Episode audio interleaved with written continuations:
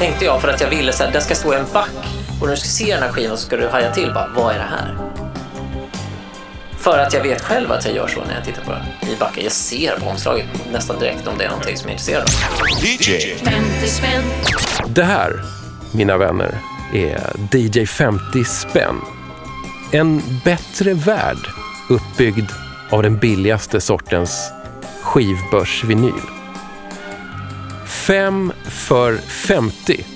Det är devisen, mottot, slagordet och evangeliet.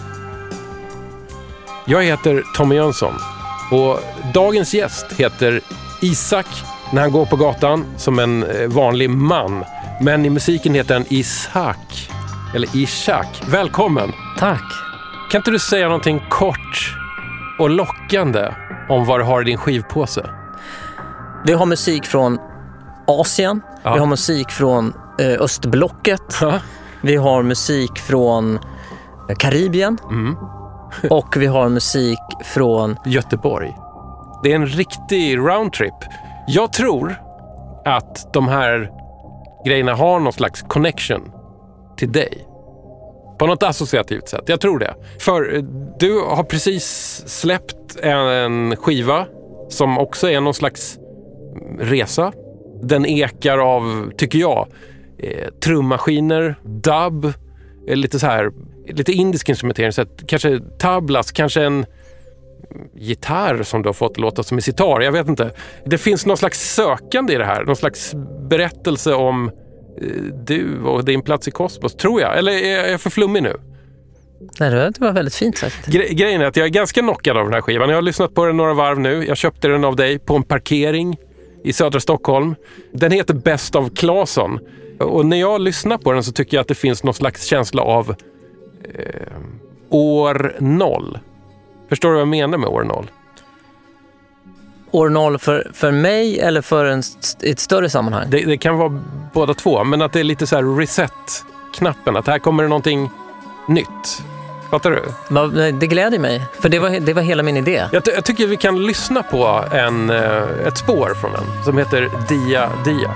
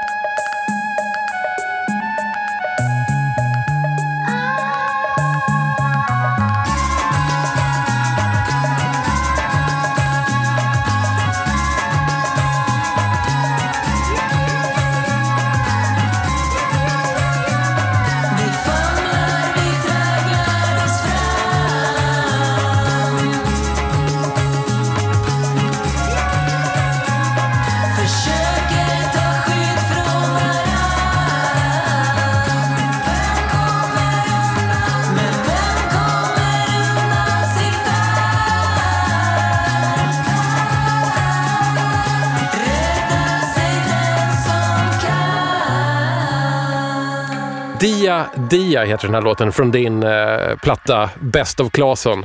Eh, dia Dia, spåra, spåra, sjunger du. Vad, vad är det som händer här egentligen i låten? Det, det är ju en låt som handlar om, eller som jag tänker handlar om ursprung och arv. Mm. Och att inte kunna göra sig av med det. Det springer alltid ikapp dig. Eller, Ja. eller alla springer ikapp ja, egentligen. precis. Ja. Men, men eh, ja, det har sprungit ikapp mig Ja. i alla fall.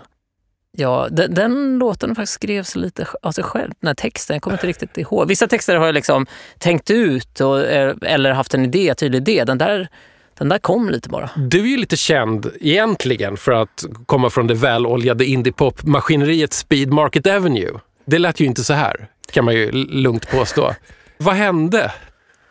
Vad hände? Jo, men eh, jag kände mig... Jag var så trött på... Jag kände mig lite kvävd. Jag tyckte att det var trångt inom indiepopen. Och jag upplevde att det var väldigt konservativt. Och det kände jag redan när jag var på. Jag tänkte rytmiskt, det var så här, men jag vill inte hålla på med de här rytmerna. Ja. Jag, jag, jag vill göra något annat. Och eh, det var liksom melodierna som styrde. Och så kände jag att jag vill göra något annat. Och så började jag skriva lite låtar, började liksom testa mig fram lite. Men eh, hittade inte... Det blev liksom som en light-version av gamla bandet. Och så kände jag så här, men det här är ju som så här, valfri artist som går solo och gör någon mer urvattnad version av sig, sitt tidigare band. Var, var du rädd för att det skulle hända? Nej, men jag hörde ju att det var på väg dit. Och jag, var lite så här, jag hade ju ingen bråttom heller, för det var så här, jag vet inte vad jag ska göra. Det kanske inte blir någon mer musik. Jag, jag visste inte. Jag var verkligen så här, jag hade ingen aning. Och jag var också i väldigt så sökande period i livet. Mm. Och eh, i den processen så började jag liksom blicka inåt. Så här, men vad har jag? Liksom? Ja, men jag har det här. Mm. Jag kommer från Norrköping. Jag har en jättestor släkt i Indien. De, hur kan det som jag har här inne bli musik? Mm. Och hur kan jag göra musik som inte redan finns? Mm. Det var ju egentligen det som var hela grejen. Ja. Jag ville leta efter musik som inte fanns och den musiken ville jag göra. Men hur gjorde du det då? För det här, är- du är ju inte ensam om att försöka knäcka den nöten tror jag. Nej, det, kanske, nej, det är jag väl inte. Men, men jag tycker många... Nu, det här låter ju stöddigt, men jag tror inte att det är jättemånga tänker på det. Eh, nej, det kan inte väl... om den musiken jag hör så här, på Ja. i kommersiella sammanhang i alla fall. Men jag vet inte. Jag, jag, Nej, jag, alltså, jag vet inte heller. Jag bara chansar. Jag, Ja. Nu utgick jag på något sätt från att alla som gör musik vill skapa någonting nytt. Men så är det ju kanske inte alls. Man kan ju vara jättenöjd med att eh, finnas i en tradition eh, och göra musik av det. Precis. Det Och- behöver, och det behöver verkligen inte vara något fult eller något fel med det heller. Men det, jag tycker att det är intressant att höra varför det blev viktigt för dig. Ja, men det, det var, jag förstod inte varför jag skulle göra musik som inte var nyskapande. Det fanns, eller nyskapande, nu slår jag mig för bröstet, men jag, för mig då, som var att nu gör jag någonting som inte riktigt finns. Mm. Jag kan inte nöja mig med något annat. Eh, och det var ju det var, väl, det var väldigt tydligt för mig redan från början. Och så höll jag på med det där och försökte hitta en stil. Försökte liksom arbeta, liksom skrev lite låtar och testade mig fram och sådär. Och, till slut blev jag utbränd. Jag letade. Jag fick inte tillräckligt fart på det där samtidigt som jag liksom hade ett vanligt jobb.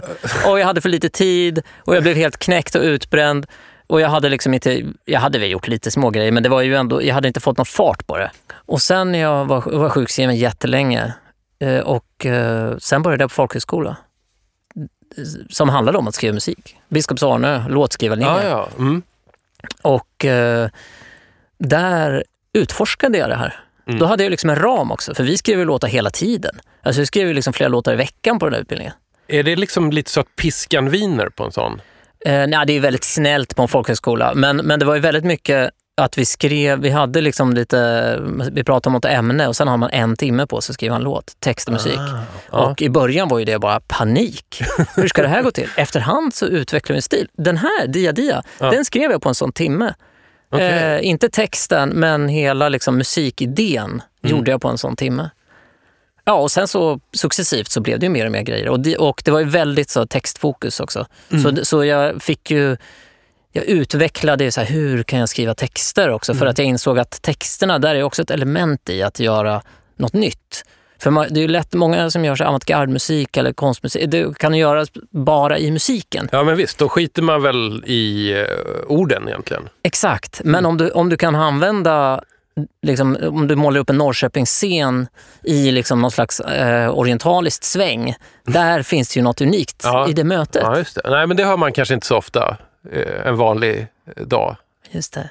Eh, nu tänker jag att vi går in på loppisplattorna här. För du har ju inte kommit undan uppdraget. Nej, Fem för 50, du vet. det var inget komma undan, det var bara roligt. Ska vi bränna av ditt fynd det första vi gör? Yes!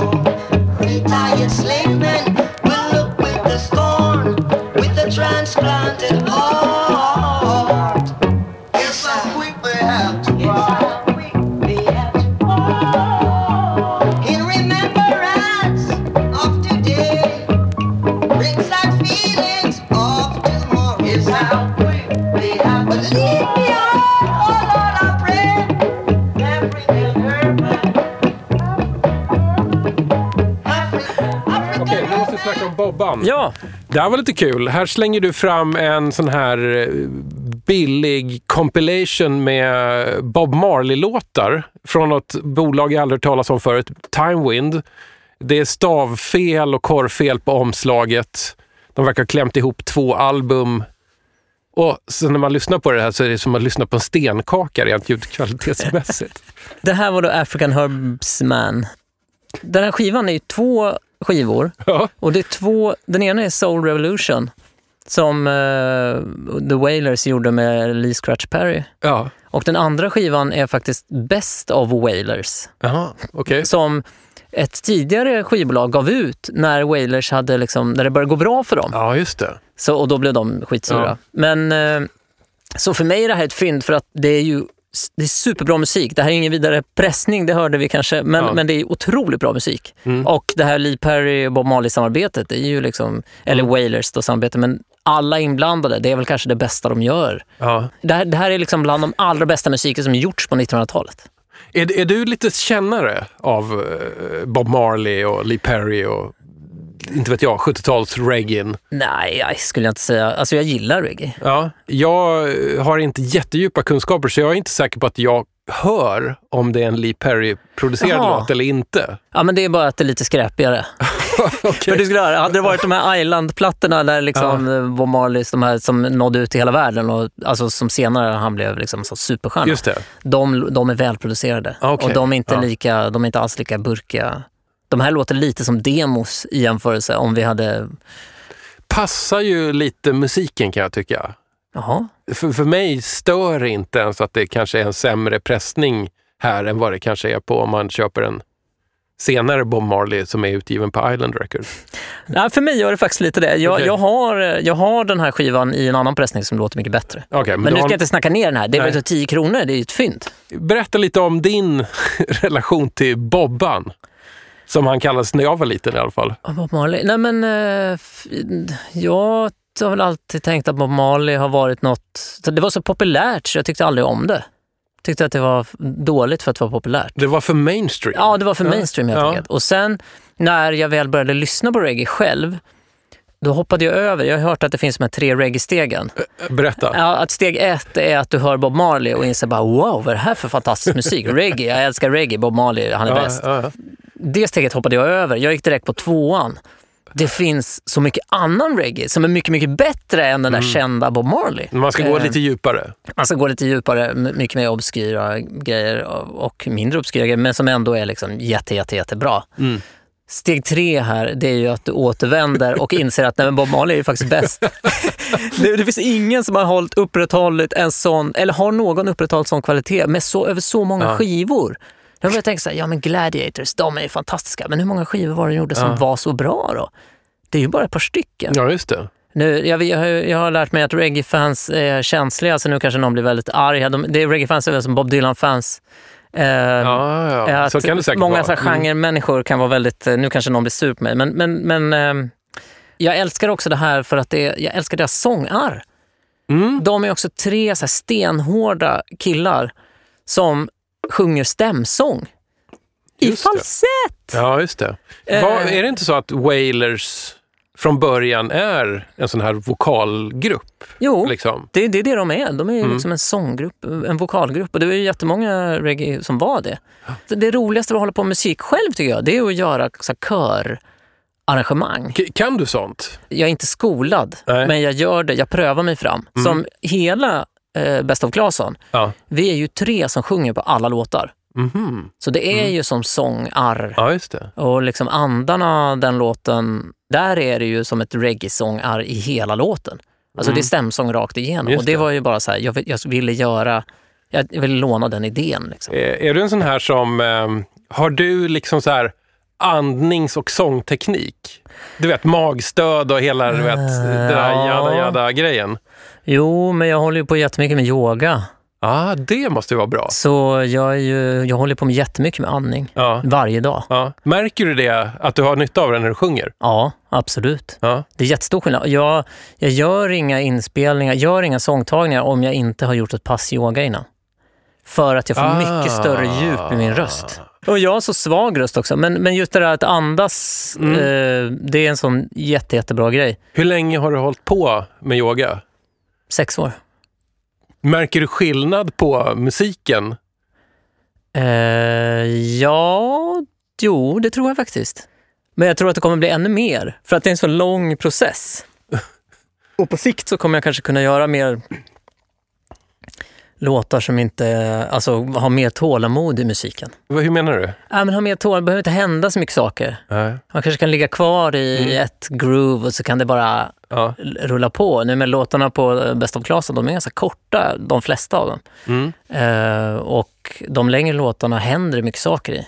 Mm. Eh, det är möjligt att det kanske utvecklas så att, man, att jag sätter liksom en stämning och sen kan den bara ligga där.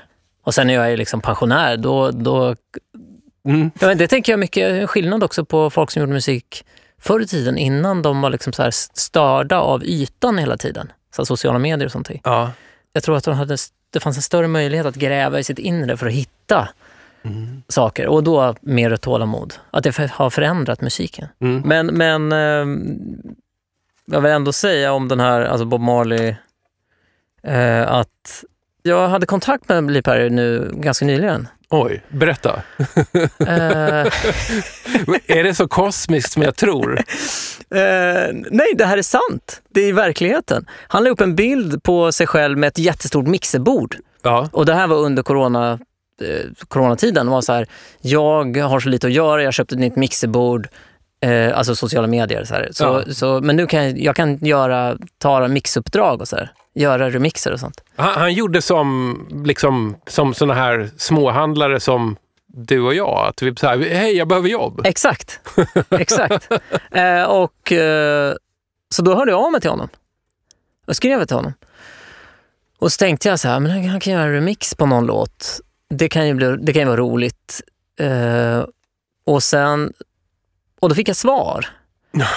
Men svaret var så, det var skrivet så här, dear, det var skrivet på ett språk som var så här, blessings from Lee.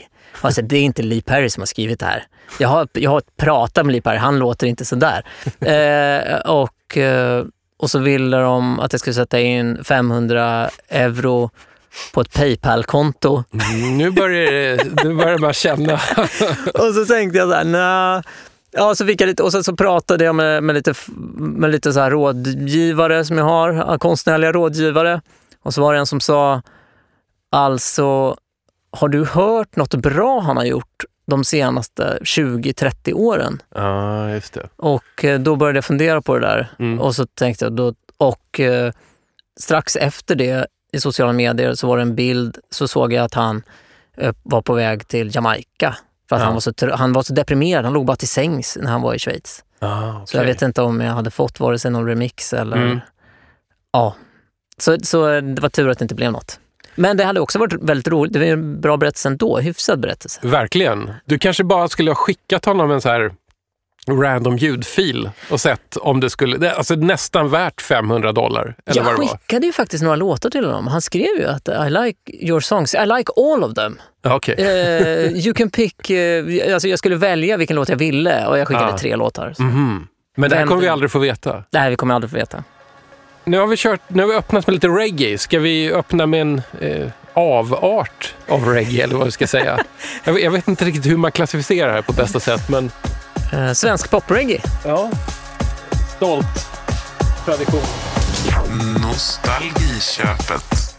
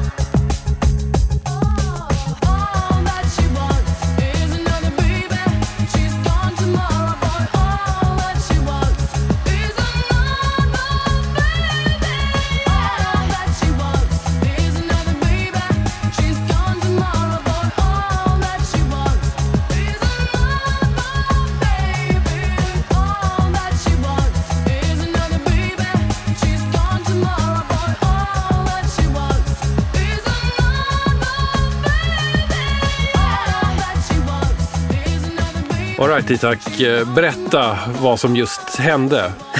Eh, det här är Ace of Base, eh, All That She Wants, Bangra version.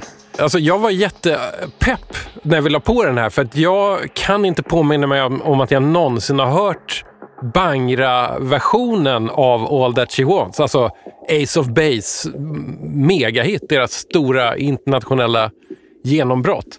Du har alltså hittat eh, LPn Happy Nation of Ace of Base. Okej, jag är lite besviken på ett sätt. Jag, jag hade hoppats på liksom lite mer smatter. Men samtidigt, det, fan, det lät inte så jävla dumt Nej, ändå. det och, inte det. och då har jag ändå ägnat ganska mycket av mitt liv åt att, åt att håna Ace of Base på olika sätt. Det är som att tiden kommer ikapp. Kanske. Det är ju ja, det är ju jättefint. Jag försökte hitta någon slags uppgift här om vem som har gjort den här versen. Det, det, jag, jag kunde inte riktigt se. Det var väldigt liten stil på etiketten. Men jag misstänker att det är väl Dennis Pop som hade lite skoj i studion och fyllde ut Säkert. skivan. För det här är Ja. sista spåret också. Just det. Va, vad hände i ditt huvud då, när vi hörde Ace of Base här?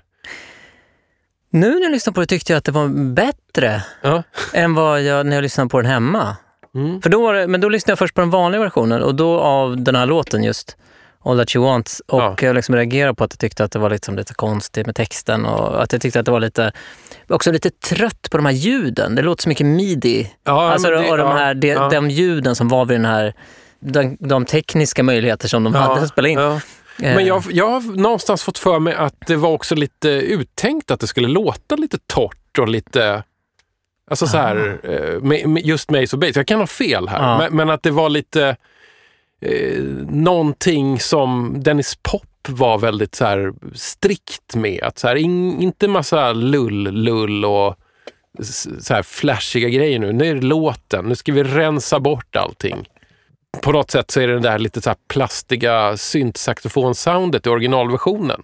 Det är ju både irriterande, men det äter sig också in i hjärnan så att det, är liksom, att det funkar som någon slags krok att hänga upp allting på. I don't know. Det här var ju mycket eh, monotonare, på något sätt väldigt mycket mer depressivt på ett bra sätt. Jag äger ju, det, här- det är helt otroligt, det är roligt att du tog upp den där saxofonen, Ja. synt-saxofonljudet. Det heter Rude Sax. Rude sax. Och hur kan jag veta att det heter Rude Ja, Sax? Berätta. Jag spelade ett indieband, indiepopband tidigare. Mm. Jag vet inte, ja, vi pratade om det. Ja, vi nämnde det i alla fall. Ja. Vi har inte pratat jättemycket Nej. om det, men, men Speed Market Avenue. Speed Market ja. Avenue, ja. Precis, vi släppte några skivor och turnerade runt på olika platser i världen. Eh, men, och så var det på en skiva som vi hade liksom lite sådär moody syntljud på en låt. Eh, som Sibyl faktiskt sjöng, som var här. Ja, Sibyl Attar. Som Sibyl var, Attar. ja, precis. Förra avsnittet.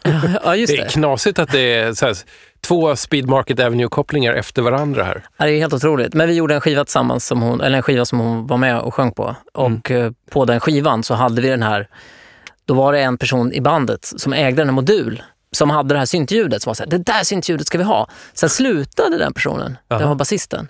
Han slutade och så skulle vi turnera. Mm. Och så var det så här, men vi, be- vi behöver det här ljudet. Okej. Så då kollade jag på nätet och försökte köpa en sån modul. Ja, en likadan. okej. Ja, ja. Och då hittade jag en, det var någon på Östermalm som sålde en, en Vintage Keys EMU eh, syntmodul. Okej. Eh, och eh, så när jag, när jag skulle åka och hämta den, då var det en kille och så, så försökte jag liksom pruta lite och han var så här, nej, nej, nej. Vi gjorde hela Happy Nation på den här.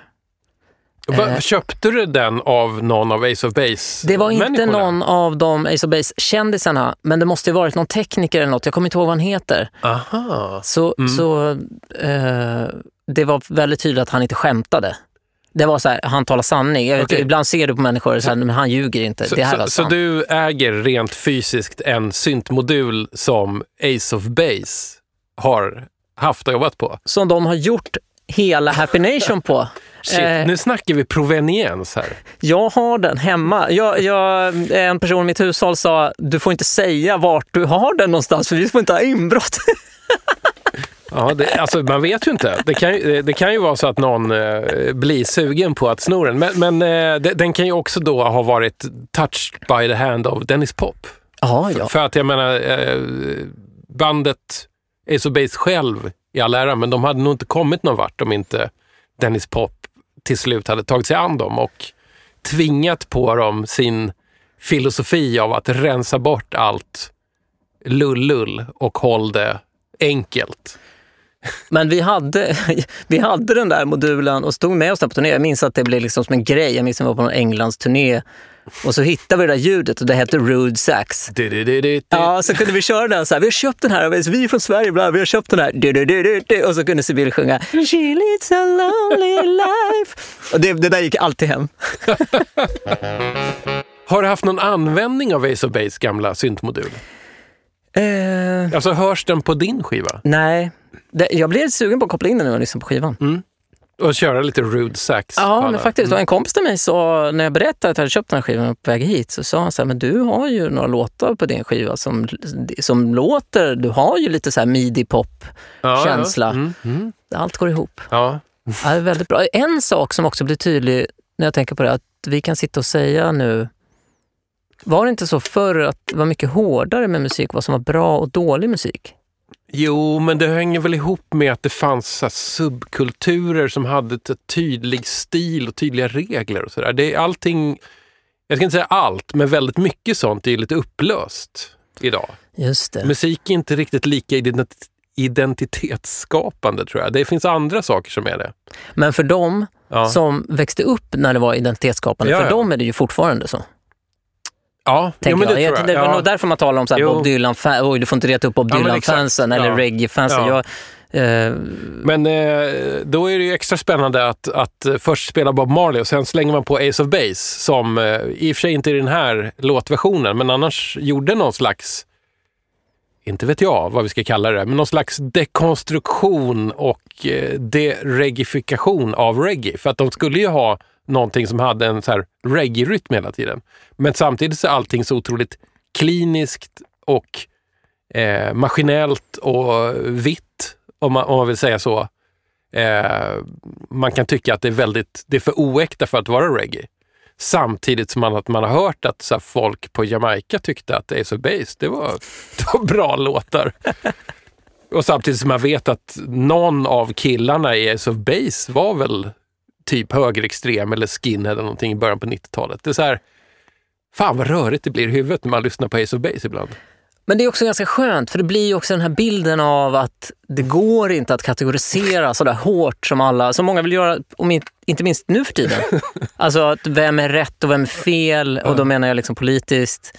Eh, och vem har rätt till att säga det här? Vem har rätt till den bakgrunden? Det var lite som du, eh, ja, men så det, som, som det här med liksom att ja, jag är inte uppväxt i Indien. Mm. Ska jag få göra orientalisk musik? Mm. Ja, men det kan du för att du har en indisk pappa. Du har släkt där. Ja, just det. Eh, Ja, det, ni är ju muslimer. Det går bra Ja. för dig. Mm. Va, vad, vad hade hänt om jag hade varit helsvensk och försökt mig på det här? Men jag pratar Ja. ju ganska bra svenska. Ja. Alltså förstår? Det, det, Ja. finns, det, det går ju att bryta ner det här i många steg som Ja, ja helst. verkligen. Ja, men så här, om man ska börja fundera på det där och liksom försöka sortera bland eh, uttalade och outtalade regler och förhållningssätt så kommer det nog sluta i att man kommer fram till att jag ska nog inte göra någonting. Exakt. Men obs, jag, jag brukar nog kanske vara liksom ultraliberal när det handlar om att låna, sampla, covra, eh, inspireras av andra. Att jag, jag har nog aldrig själv haft något problem med det, men jag har väl ka- kanske också en position där jag inte behöver kanske fightas för någonting heller. Så jag har inget svar. Nej. Nej. Det är ju lätt att liksom sitta och säga så här, men det, hur kan man vara arg på det? Men det finns ju alltid olika... Det finns alltid något perspektiv som du inte har sett. Mm. Och eh, det, det, får, det får du på något sätt acceptera. Men jag tänker också att även om du blir irriterad på någon så försök ändå bemöta, det här nu låter jag som en hippie, men liksom bemöta människor med respekt och kärlek på något sätt. Speciellt om det handlar om musik. Ja. Där är vi ju de flesta på samma sida. alltså det finns andra fiender som är mycket farligare Ja. än de här som em, ett Ace of Base som gör en Bangra-version. Jag är ändå glad att jag fick äntligen höra Ace of Base Bangra version, som jag inte i och för sig visste att den fanns tidigare, men nu vet jag det. Det var inte det sämsta jag hört ändå. Ja, Jag gillar den också. Men du, ska vi eh, hoppa vidare ett steg här till Yes. nästa skiva? Yes. För nu, nu tror jag att nu börjar det hända grejer här. Det här är den kanske snyggaste omslaget för idag. Ja, يا محلى العيش بالبر ما فيها حزن ولا هم يا محلى العيش بالبر ما فيها حزن ولا هم والفرش العشب المخضر والناس مشرشف وحرام يا محلى العيش بالبر ما فيها حزن ولا هم. والفرش العشب المخضر والناس مشرشف وحرام Chansningen. وسط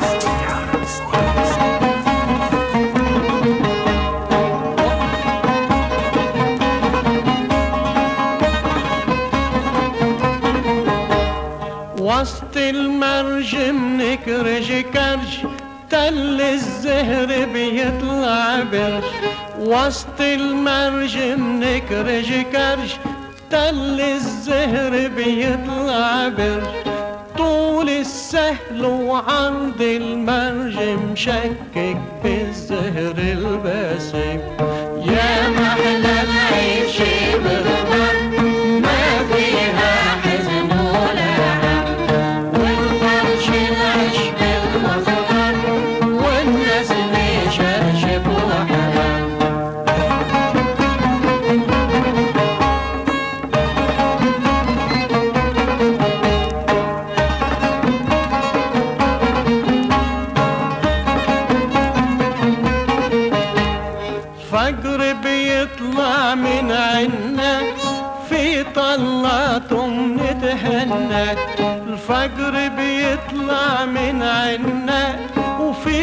طلات نتهنى من قوم نغني معنا. لم نهتم ولم ننهم. يا العيش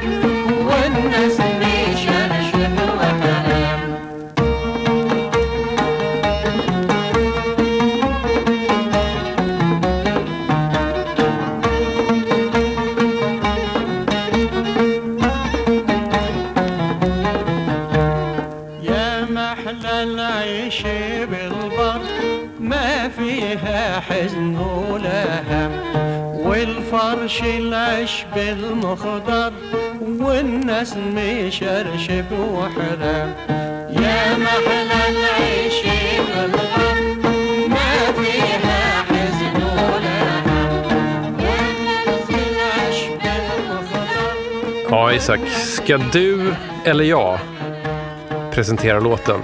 Ja, För att det- nu, nu blir det svårt med uttalet här. ja, ja, Mahla Elbar. It's as good as it gets. Jag tänker inte ens eh, försöka för att jag vet från de gånger jag tidigare försökt utläsa någon slags arabiskt uttal. Det är, jag, jag grejer det inte helt enkelt. Det här är alltså från en LP-skiva. Från, den ser ut att vara från sent 50-tal eller tidigt 60-tal. Songs and Dances of Syria. Det är en sån här eh, skiva som ska liksom presentera ett musikaliskt arv för en västerländsk publik kan man väl säga. Ja, absolut. Vad tyckte du om det här? Det här är den låten som har mest, eh, mest eh, liksom så här popmelodi i sig Okej, ja. på skivan. Det är vissa låtar som, det, ba- som är instrumentala ja. och det bara är oud. Oud är någon slags eh, luta-liknande instrument va? Ja, det är det väl. Men... ehm, och sen så är det då Nahem Simon som sjunger och sen den här kören. Så det verkar vara en ganska liten grupp mus- musiker ändå som är med på den här skivan. Ja. De, de drar av traditionella låtar verkar det som ändå. Det är väldigt eh, traditionellt, det är min känsla också. Ja. Det, det är inte som, så mycket som jag är van vid med den här blandningen. Ja. Liksom att blanda något orientaliskt med något liksom lite, så här, någon trummaskin eller liksom någon slags afrosynt. Mm. Ja, eller, mm. ja, oriental, men som Omar Suleiman eller något, något som är liksom något modernt. Här är det ju, det Ja. står ju till och med här på baksidan. There is not the slightest influence of western music. Det här är the real deal Ja, helt enkelt. Precis, det är ja. inte någon så här hipstermusik för skivsamlare Mm. i väst. Jag har ju absolut ingen koll på den här låten eller på eh, Nahid Simon, heter han så? Nahim. Men det är någonting med den här låten som sög mig in i alla fall. Väldigt många verser i och för sig. Men den har ju någonting lite så här riffigt över Men det sig. här är faktiskt en grej och, som jag tycker ofta med eh, att våga. Om du har en grej, våga håll i den grejen. Ja, Och så gör du den och Ja. bygger vidare. Och det gör du med den här låten. ja men exakt. Först är liksom det här lilla riffet, sen sjunger Nahim och sen efter ett tag kommer kören och så är det lite solo. Mm. Jag kan själv känna att jag är liksom lite för feg ibland och så säger jag nej men nu ska jag komma in med något annat, nu det en Ja, ny ja, refräng okej. Ja, eller något förstår. annat Ja, instrument. Nu måste någonting hända. Ja, nu måste Ja. någonting hända. Ja. Som någon slags... eh, eh, så här, yt, ytmänniska rastlöshet Ja. som, jag, som jag försöker bli av med för egen del. Men, men jag hör det i andras musik också. Men den här musiken, här, Mm. här är det ju, de tror ju på det de gör. Men tror du inte att det också kan ha att göra med att den här, det här är en låt som man dansar till? Du vet att det är en dans som ska ändå pågå ett tag och då så här, det är en vers till, det är en vers Ah, till, det är en det, vers till. det. Och det är nog ingen påläggsinspelning heller, det är nog live. Det tror jag. Och det är ju lät- också en väldigt ja. stor skillnad, för det är ju också sådär, Ja. det är mycket lättare att höra och känna liksom. Ha, ha, är, det, är det, du som håller omslaget, är det något så skivbolag man känner igen det här? Det står något så här hifi någonting, men jag kände liksom inte igen någon, någon så här label eller någonting här ens. Standard Phono Corporation. Mm.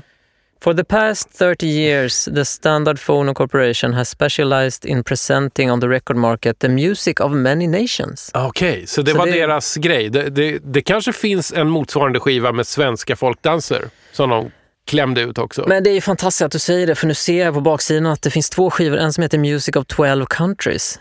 Och där är det Austria, Germany, Greece, Hungary, Ireland, Norway, Sweden. Ja, du ser. Men det här är ju också det här är utgivet för amerikanska marknaden och där tänker de så här, Europa det är ett land.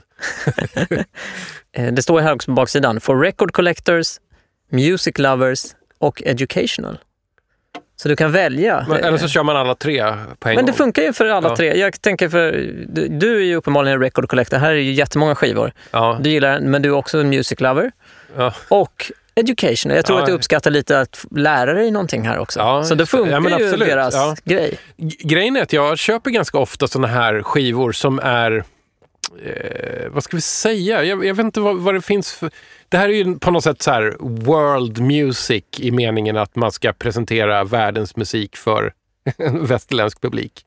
Ehm, ibland så, känns, så brukar jag kalla de här skivorna för så folklore eller något sånt där. Bara för att de är ofta så här att ja, men nu ska vi spela in den traditionella musiken från det här landet och så pressar vi det på skiva och så säljer vi det här hemma i USA eller i Sverige eller i Europa eller, eller vad det nu är. Eh, och det, ibland kan jag känna mig lite smutsig när jag köper de här skivorna för att det känns liksom lite så här lätt kolonialt på något sätt.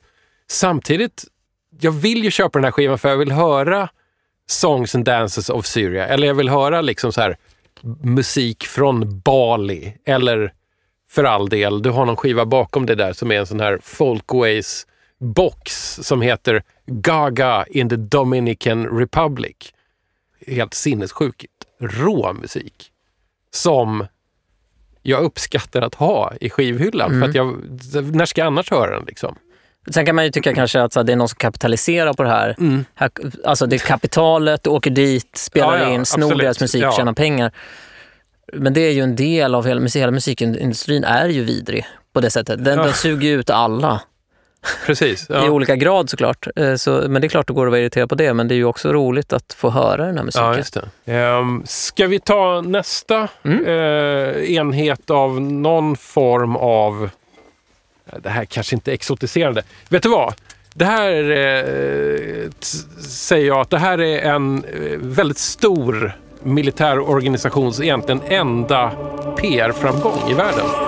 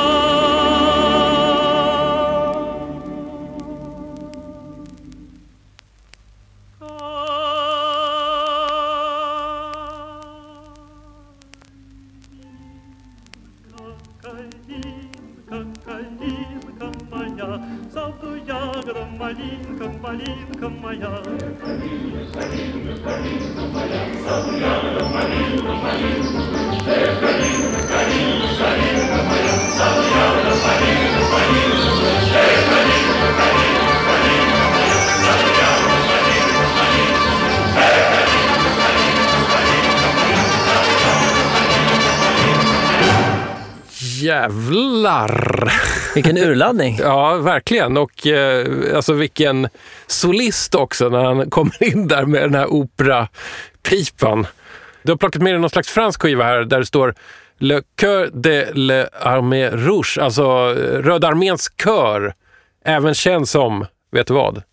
Alexandrov-ensemblen. Det är ungefär så mycket jag vet om det här. Okej. Varför tog du upp den här?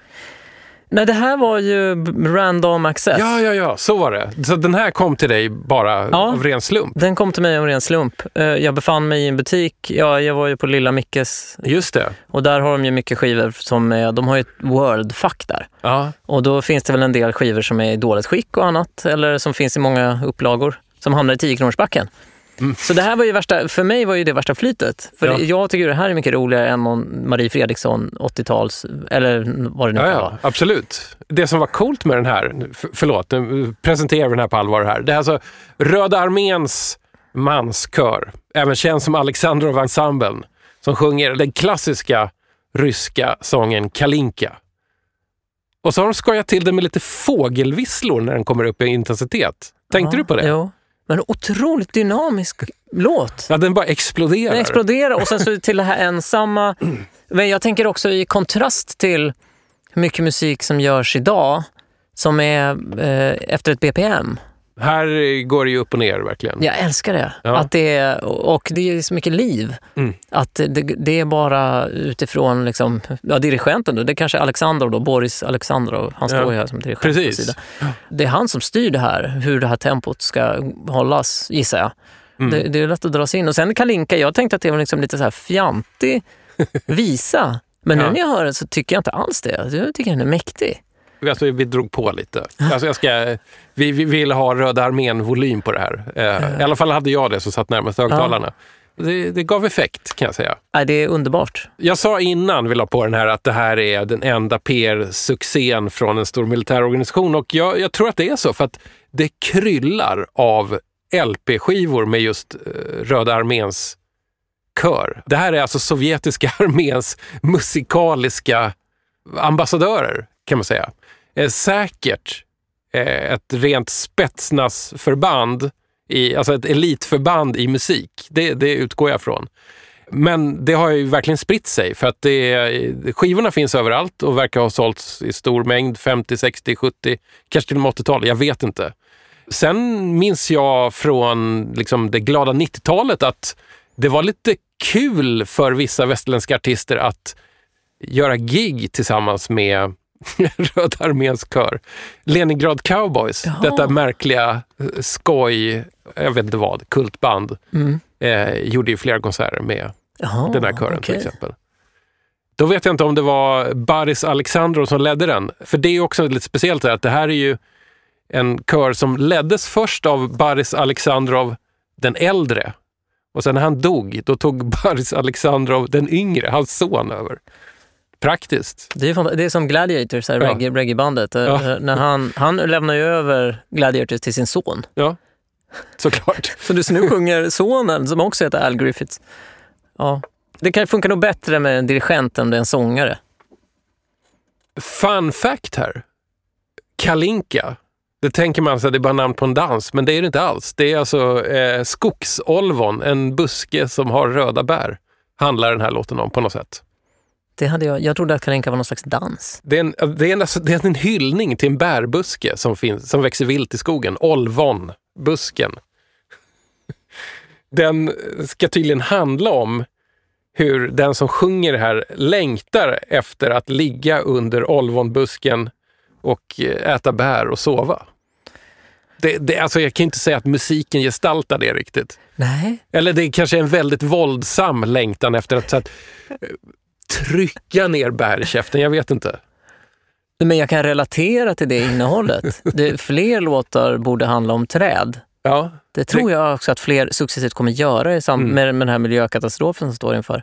Så tror jag att det kommer komma mer naturskildringar. det, Eh, frågan är om det kanske inte redan har börjat. Det har det nog gjort, ja. Ja, Men jag har ju band till, till Ryssland. berätta. Det har jag ju faktiskt. Uh, alltså, min pappa kommer från Indien och en, orsaken till att han lämnade Indien var ju för att han fick ett stipendium att studera i Moskva på universitetet. Och där, nu snackar vi Sovjettiden, eller Ja, hur? ja, ja, det här var ju under Mm. Sovjet och KGB-tiden. Mm. Så det var liksom sättet som han kom hit. Och det, så att, så att jag... Och han kan ju ryska också, så han har jobbat jättemycket där. Sen, Ah, sen när muren ja. föll och sådär. Mm. Så jag tänker alltid med att jag har liksom att det är något med Sovjet som jag ändå... Ja, han berättar också ofta om hur, hur kul det var. Det var så kul att festa i Sovjet. Det här är ju stories man inte hör så ofta. Nej, Eh. han säger att det, det var den bästa partystaden eh, som han varit i någonsin. Mm. För att folk brydde sig inte om pengar. Folk tänkte inte så mycket på att de skulle inte spara ihop och göra en massa klipp. Nej, nej. Så man, kunde bara, man kunde bara leva där och festa. Eh, ja, fan, det var lite uppfriskande att höra den här, vad ska vi säga, hårdslående kraften i Röda arméns manskör. Jag försökte återskapa den när jag gjorde den här låten. Nu vet jag inte om du pratade någonting om den tidigare, du kanske gjorde det? Jag nämnde den, eh, Ja. Vodka Russian.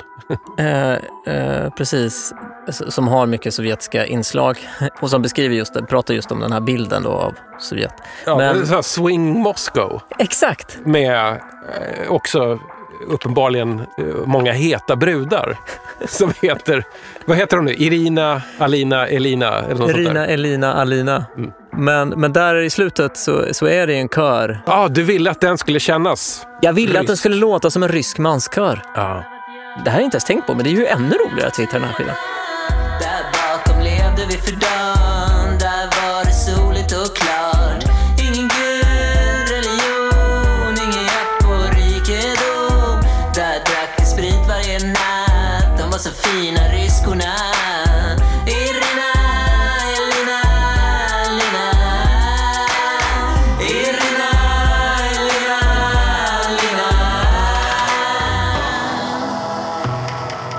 Ehm, vi, vi är framme på din femte skiva här på, i din uh, billiga skivbunt. Tycker vi langar på den nu. Skivbörsklassiker. Klassikern. Ja, Skivbörsklassikern. ja, vad, det, vad heter det, det? ja verkligen. Och det snacka om att det är det.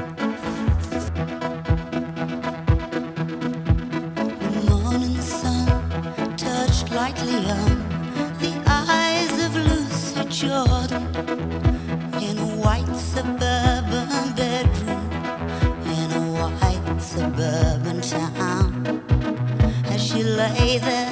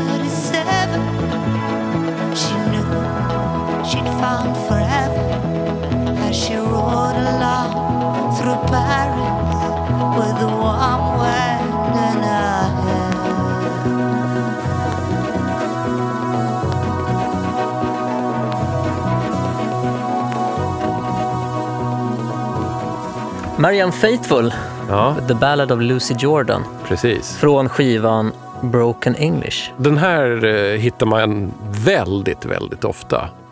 Känns igen på det här blåtonade omslaget med en liksom chockrosa liten cigarettglöd också.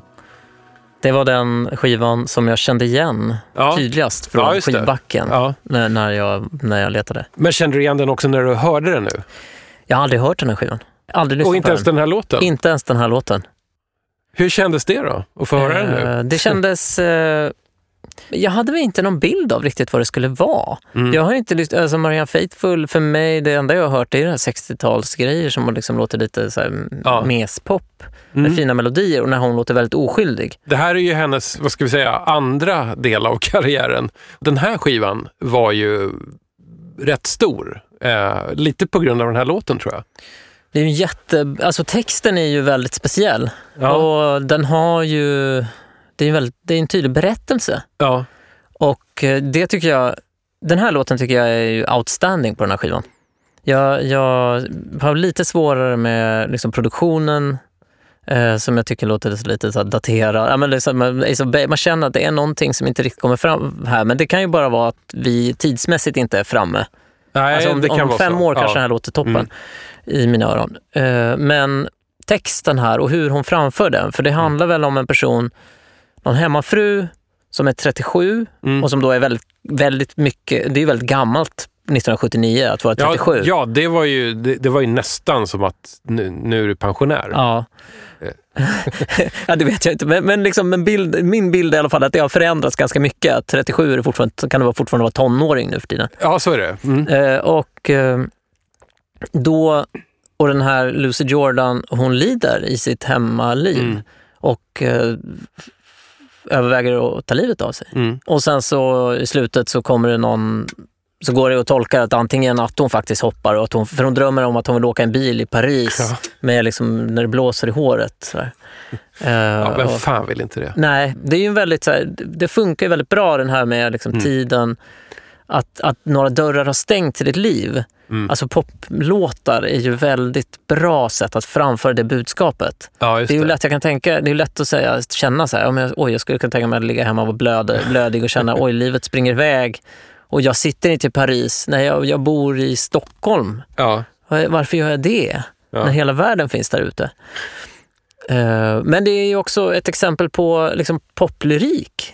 Det är novell, nästan Ja. en roman eh, nedklämd i en låt. Det är ju fantastiskt. Mer sånt. Alltså den här låten hade ju redan varit en, kanske inte en jättehit, men ändå no, haft någorlunda framgång med eh, Dr Hook på 70-talet, eh, tidigare på 70-talet. Eh, och den är ju inte alls så här. Det händer ju någonting med den när Marianne Faithfull gör den. Istället för de här lurviga pajsarna i Dr Hook and the Medicine Show.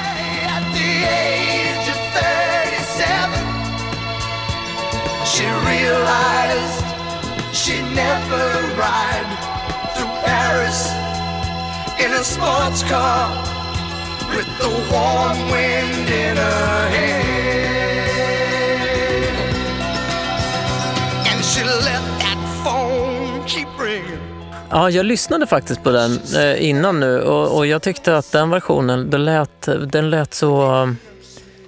Det blir liksom som en skald som berättar Ja. hur det ligger till. Mm. Marianne Faithfull framför den här låten med, eftersom hon är liksom gammal missbrukare, heroinist, eh, så kan hon liksom klä den här låten Ja, det. Med sig själv. Och det är väl därför det funkar så bra med sin röst. Alltså den här torra rösten. Det är en- slags cigarettig röst kan Ja. man väl säga. Verkligen. Och det är ju liksom framsidan här, att det är en cigarett. Det är ju Mm. grymt ju. Jag har en bild av att låttexter fortfarande är på något sätt underskattade Ja, i är. Ja. musikvärlden, i musikkretsar. Att det fortfarande du kan läsa skivrecensioner och det näm- texterna nämns inte.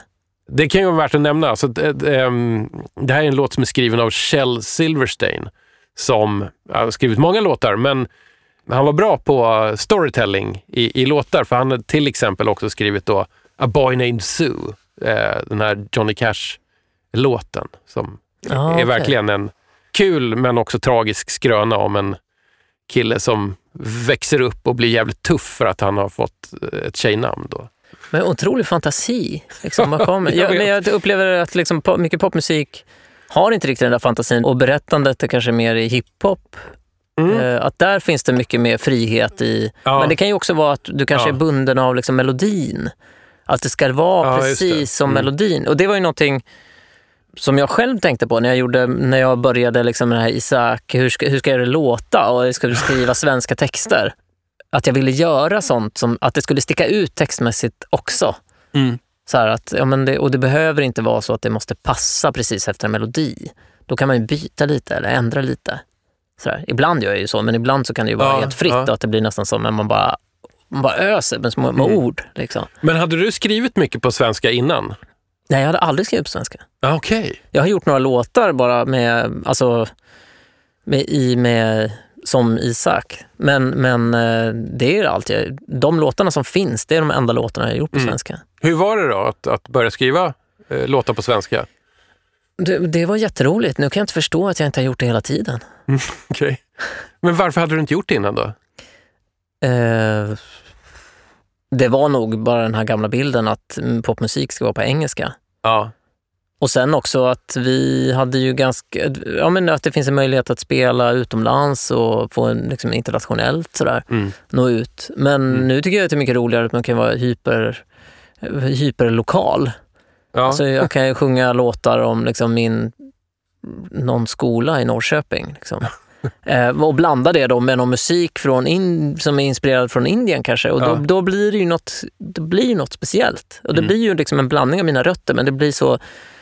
Vad ska man säga? Om, om du hade varit journalist kanske sagt att det var en tydlig vinkel. Men det ska man väl ha i en, i en låt ändå, tänker Ja, jag. det tycker jag att- absolut. Att, eh, Det är jätteviktigt. Ju snävare vinkel, Ja. desto, eh, desto skarpare Ja, kan det bli. Men, men med svenska är det ju mycket, alltså det är just det här att du kan leka med språket på ett helt annat sätt. Ja. Och jag tycker det här med att vara, många svenskar är ju, är ju relativt bra på engelska. Mm. Och då blir det ju liksom ganska likt. Mm. Det, kan liksom, det, kan, det kan passera obemärkt förbi. Eh, men det tänker jag att det är, ju, det är nästan det som är problemet. Det blir obemärkt förbi för att det blir för bra. Ja, Då är det ju bättre om det sticker ut och du hör att du kommer från Sverige. ja. Eller vilket land du nu än kommer ifrån. Jag, jag menar, ja, att det hörs. Hörru, jag bad dig ta med en liten bonus här. Livlinan. Som ibland är tänkt som plåster på såren om, om det känns som att man har fått en mager skörd i backarna. Det tycker ju inte jag att du har fått. Men ändå så hivar du fram här nu eh, din eh, bonus här. Vi, vi kör den här så får du berätta lite sen. Yes.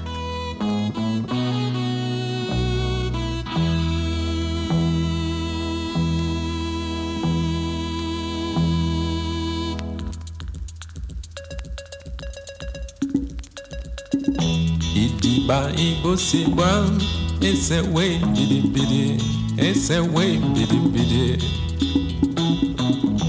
osinyuta mpe boso ombwa na epasi na epasi ombwa mbongi ese iteleno nde milema ombwa omadangwa tenge ya odangwa noloka moto setona boloi boloi. Osidimbe ya pona okusi minam na minam songele yanu pepe nukusi misimaka wa langwa. Oidimbea oidimbea na wande ibakeno iduba na bolongi basu. Oidimbea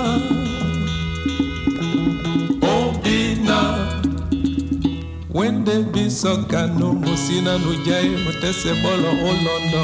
Oedimbea disima na pe bila dipimbi mkwata wone disengi mwenge mandolo. Mwene kombo elongi no na mpungu musibe pe wuma te na ditele nde miso masujene mwaye. ya sana yasana yaleyelemoye bisi ya mpe lisuba bonami. Bosasa e yaleyelemoye dibi ya bolone bobonami yasana yaleyelemoye osibangake jazuba bonami. Ya sona ya leyene mwaye osibanga ke ya soba bonami masoma masoma naloba ye moi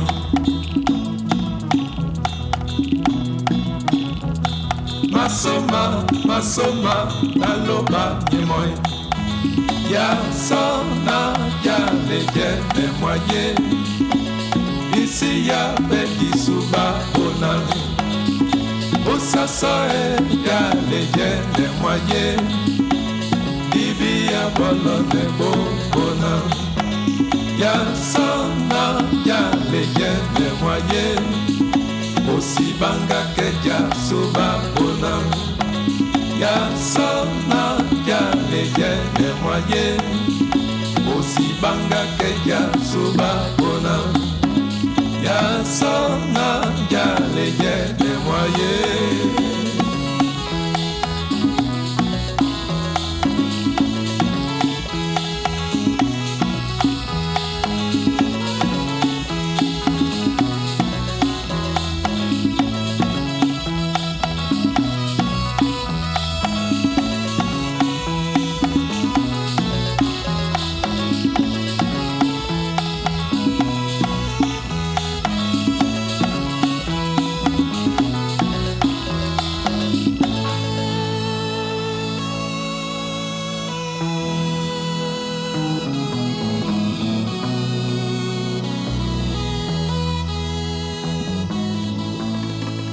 Jävlar vilken mysiga syntljud det var på den här då. Det var någonting väldigt eh, så här, eh, mjukt och härligt med hela, hela bara soundet. Ja. Vad är det här? Det här är Francis Bebey. Mm. Den eh, kameruanska, eller kamerunska, han är från Kamerun, Ja. eh, men han levde i Frankrike. Den här låten, Idiba, tror jag betyder morgon. Mm. Mm. Han mixar, han blandar med olika språk, men det här är sjunget på douala då, som det är hans hemspråk där han kommer från i Kamerun. Men han har Mhm. låtar på franska och på engelska också. Ah.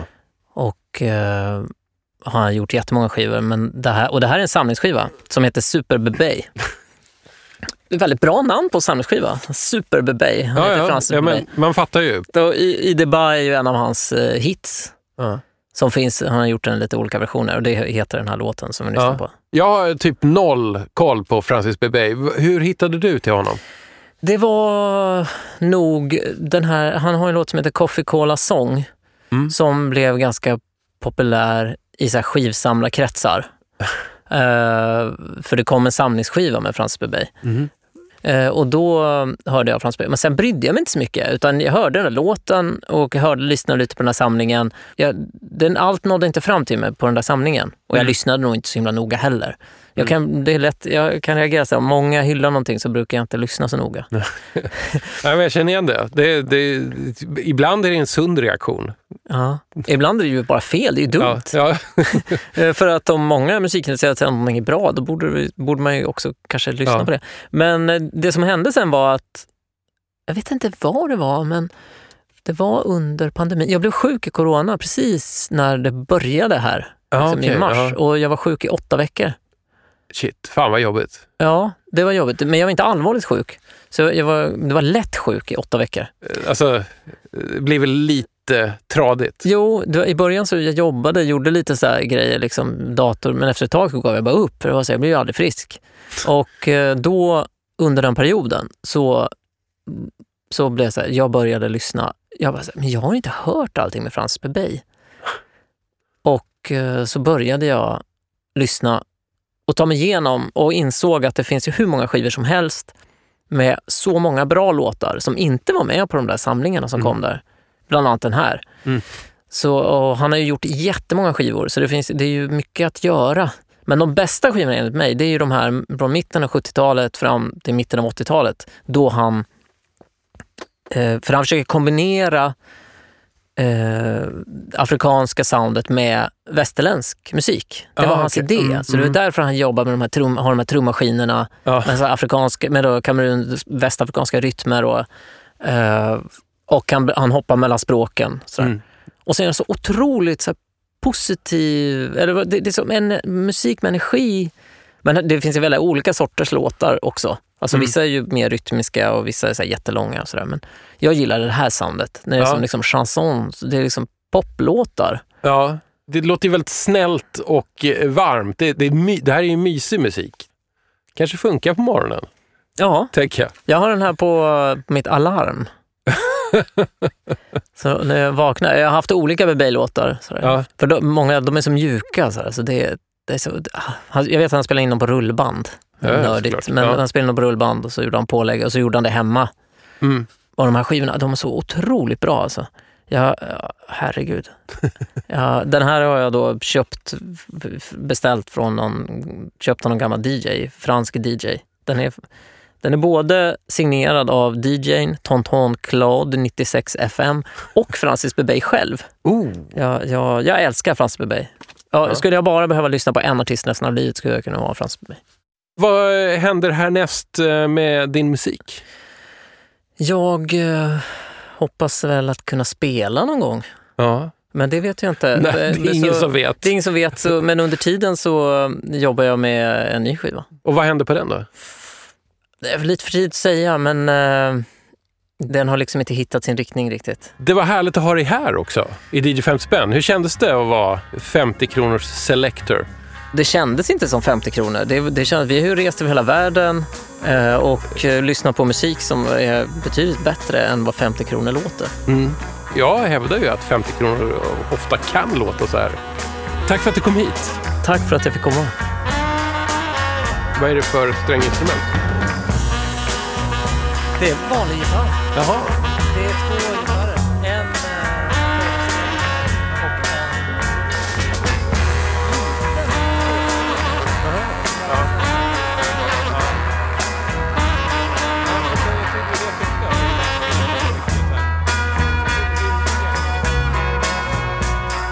Då har du tagit igenom hela avsnitt nummer 145. Och här kommer lite superviktig programinformation. Ishaks album Best of Claesson hittar du på välsorterade skivbutiker i landets lite större städer. Och man kan också lyssna på det via den stora feta strömningstjänsten. Men det är ju inte lika kul va? Glöm inte bort att DJ 50 spänn är en frisinnad, frifräsande och fristående musikpodd som produceras av mig, Tommy Jönsson, med lite stöd från produktionsbolaget Rund Funk Media. Och vi kan faktiskt bli fler som lyssnar. Så tipsa gärna folk omkring dig som befinner sig i riskzonen för musikmissbruk. Och glöm inte bort att dela och sjunga ut på sociala medier om hur jävla härligt det är att lyssna på DJ 50 spänn. Följ mig gärna på sociala medier. DJ 50 spänn finns på Instagram, på Facebook och på Twitter. Och de vägarna går också bra att kontakta mig. Eller så kan du också skicka ett mejl. Hej snabel dj50spann.se Tack för att ni lyssnade. Vi hörs snart igen.